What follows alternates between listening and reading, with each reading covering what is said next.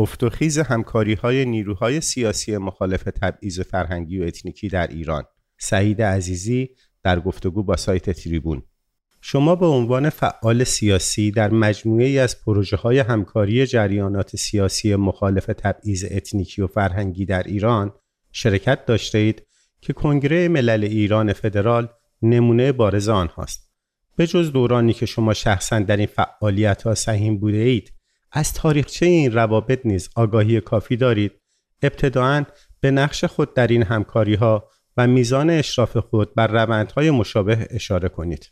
من سالهای زیادی یعنی تقریبا از زمان تشکیل کنگره ملیت های ایران فدرال با این تشکل همکاری داشتم و از اعضای هیئت اجرایی این تشکیلات بودم. من تقریبا در تمامی تصمیم ها و تحولات بودم و نقش ایفا می کردم هدف قایی این همکاری ها در جنبه صلبی امر چه بوده است؟ این نیروها برای مبارزه با چه چیزهایی در ایران امروز اراده مشترک داشتند و دارند؟ علا رقم تبلیغات منفی تمامیت خواهان و مرکزگرایان بر علیه این تشکیلات این تشکل از صمیم قلب برای صلح، عدالت، آزادی و برابر حقوقی ملیت های ایران مبارزه می کند.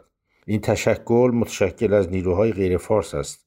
آنها درد مشترک دارند همه مورد تبعیض ملی و دینی قرار گرفته اند. این نیروها برای یک ایران دموکراتیک فرضی در فردای سرنگونی رژیم جمهوری اسلامی چه طرحهای مشترکی دارند؟ در بین ائتلاف های مربوط به اپوزیسیون جمهوری اسلامی ایران چهار تشکل و ائتلاف وجود دارد که همه نیروها و اکثر نیروهای تشکیل دهنده آنها مربوط به ملت های غیر فارس می باشد. این چهار اعتلاف عبارت است از کنگره ملیت های ایران فدرال همبستگی برای آزادی و برابری در ایران شورای دموکراسی خواهان ایران و یک اعتلاف جدیدی در شرف ایجاد هست به اسم اعتلاف دموکراتیک ملت ها در ایران تمامی این اعتلاف ها و نیروهای تشکیل دهنده آنها یک ایران فدرال را هدف خود می دانند و هیچ کدام از آنها از تجزیه ایران صحبت نمی کنند و در برنامه خود ندارند. آیا شکاف عمده یا تفاوت مهمی از نظر طرحهای اثباتی برای رفع تبعیض اتنیکی در ایران فردا در میان نیروهای سیاسی نامبرده وجود دارد؟ البته اگر منظور شما نیروهای سیاسی مربوط به ملتهای غیر فارس می باشد به جرأت می شود گفت که تفاوت چندانی وجود ندارد. همه ما خواهان این هستیم که ملتهای غیر فارس در قدرت سیاسی کشور سهیم باشند و یک دولت محلی اداره امور منطقه را به عهده داشته باشد.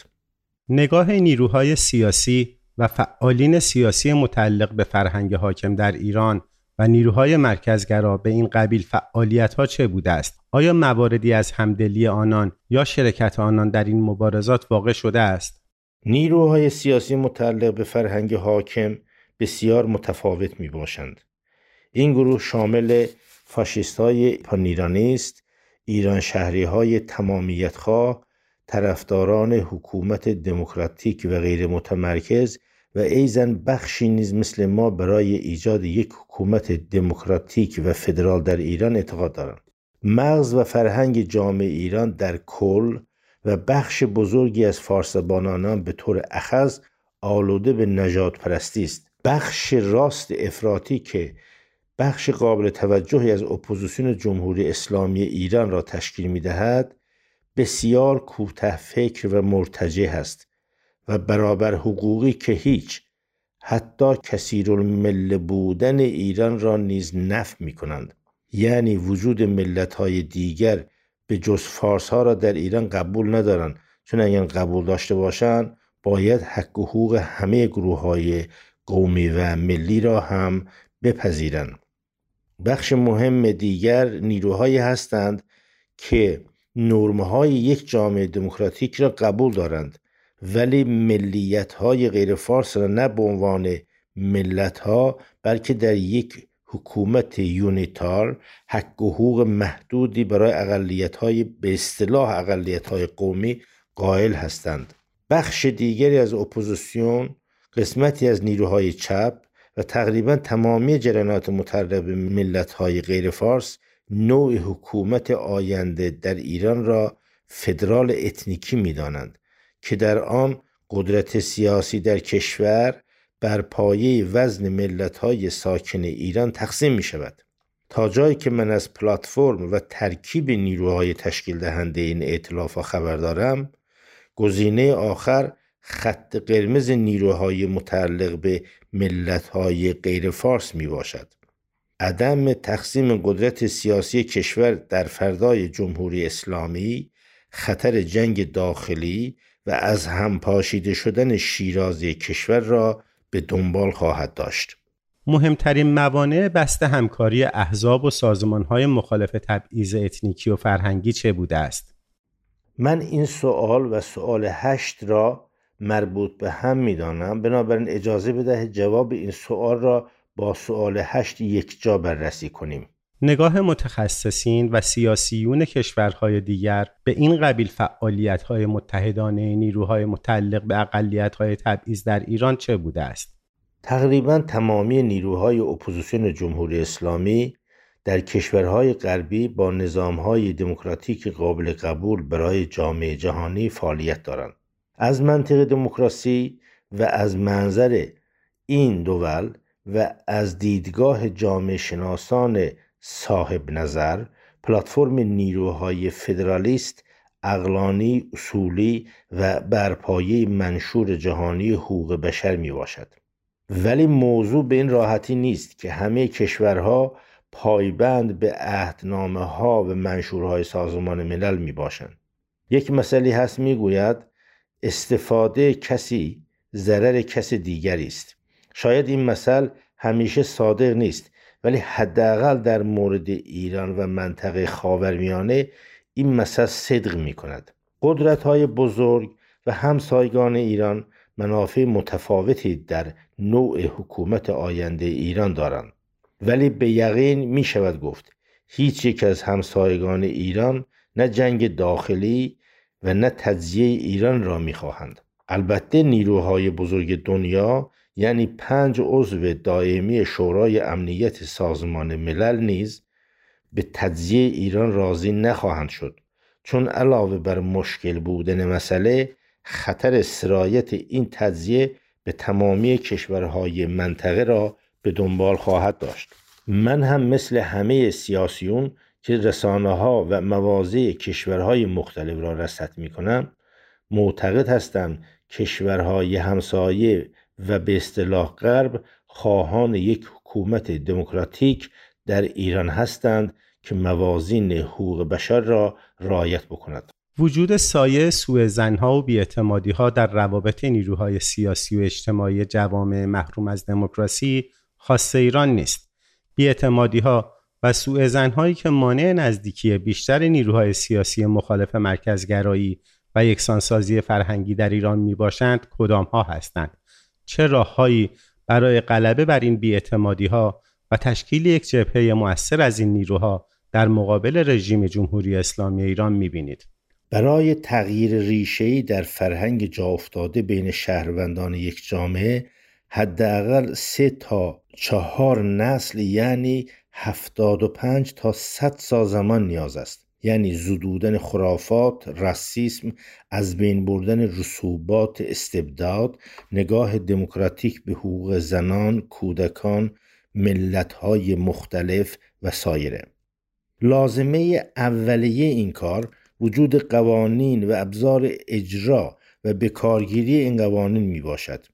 ایران کشوری است که در طول صد سال اخیر قوانین بقایت ارتجاعی توسط حکومتهای پهلوی و جمهوری اسلامی در این کشور حاکم بوده است. حکومتهای فارسمدار مرتجع به هیچ یک از ابزار رشد انسانها امکان حیات ندادند.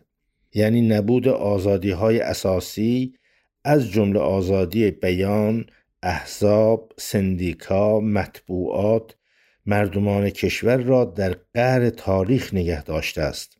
شاید بپرسید منظور از این مقدمه بلند چیست؟ جواب مشخص است. ما در ایران فرهنگ تحمل نظر مخالف برابر حقوقی همگان رقابت سیاسی آزاد نگاه مترقی به حقوق زنان نگاه مترقی به حقوق ملت ها را نداریم. در ایران میزان مطالعه کتاب چند ثانیه در روز می باشد. میزان تیراژ کتاب و روزنامه شرمسار است. عوض تئاتر مردم به اعدام های خیابانی نگاه می کنند. با این ابزار آیا می شود فرهنگ سازی کرد؟ ما در ایران کار بسیار سختی در پیش داریم. این مشکلات تاثیر خود را در روابط احزاب مختلف هم گذاشته است. در خیلی از موارد علا رغم این که احزاب برنامه و پلتفرم مشابهی دارند ولی رابطه بسیار بدی در بین این احزاب وجود دارد تنشهای ملی و قومی زیاده طلبی برخی از نیروهای متعلق به همسایگان یکدیگر همکاری های همه جانب را دشوار کرده است. زندگی در غرب این امکان را به اکثر نیروهای سیاسی به دور از گرایشات آنها قابلیت تحمل مخالفین خود را به طور چشمگیری افزایش داده است. ماها هیچ ابزاری به جز دیالوگ و نوشتن نداریم و باید به نحو احسن از این ابزار استفاده کرد. سوء زن و بیاعتمادی ما بین نیروهای مرکزگرا و نیروهای مخالف مرکزگرایی یک شکاف عمده در میدان سیاسی مربوط به سرنوشت ایران است. اگر با این گزاره موافقید توضیح دهید که طرفین این شکاف عمده برای غلبه بر این سوء زن و بیاعتمادی چه گامهایی را باید بردارند؟ چنان که در بالا گفتم در صد سال گذشته سیستم بقایت خشن تبعیض‌آمیز در ایران حاکم بوده و است. اکثر ادبیات نوشته شده از نگاه قدرت حاکم که همانا فارس مرکزگرا می باشد شستشوی مغزی جامعه در حد باور نکردنی است.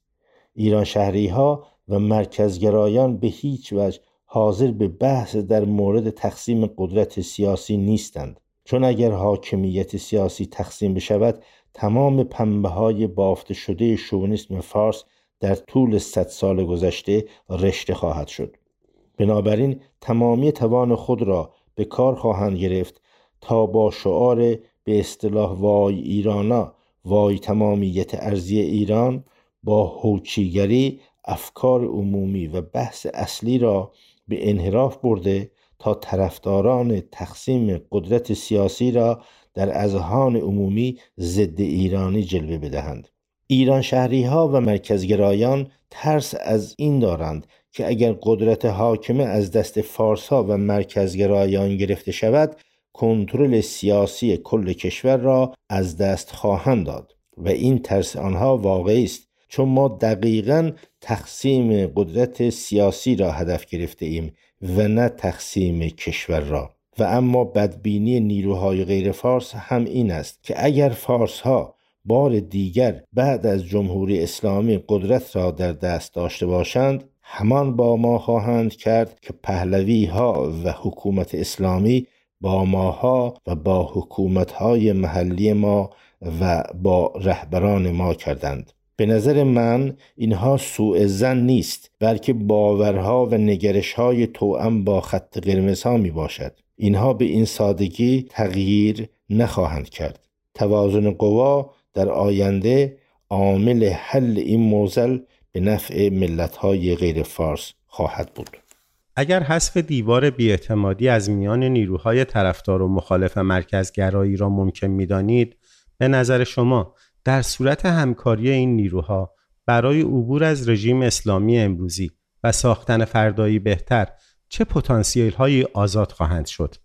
در بالا به این پرسش اشاره کردم. حذف دیوار بیاعتمادی از نظر من امکان پذیر نیست و الزاما هم ضرورتی به این کار نیست چون این همکاری ها شکننده و سوری خواهد بود حتی اگر رهبران جریانات با هم توافق کنند پایه اجتماعی این جریانات آنقدر اختلاف دارند که یک همکاری سمربخش را غیر ممکن می کند به نظر من بهتر است به جای همه با هم همه بر علیه جمهوری اسلامی باشیم با چندین پلتفرم مختلف. از نظر من آرایش نیروهای سیاسی در اپوزیسیون جمهوری اسلامی متشکل از چهار بلوک می باشد یک پهلوی‌چی ها شامل مشروطه خواهان، سلطنت طلبان، پان‌ایرانیست ها، احزاب راسیستی، فاشیستی و احزاب اولترا راست.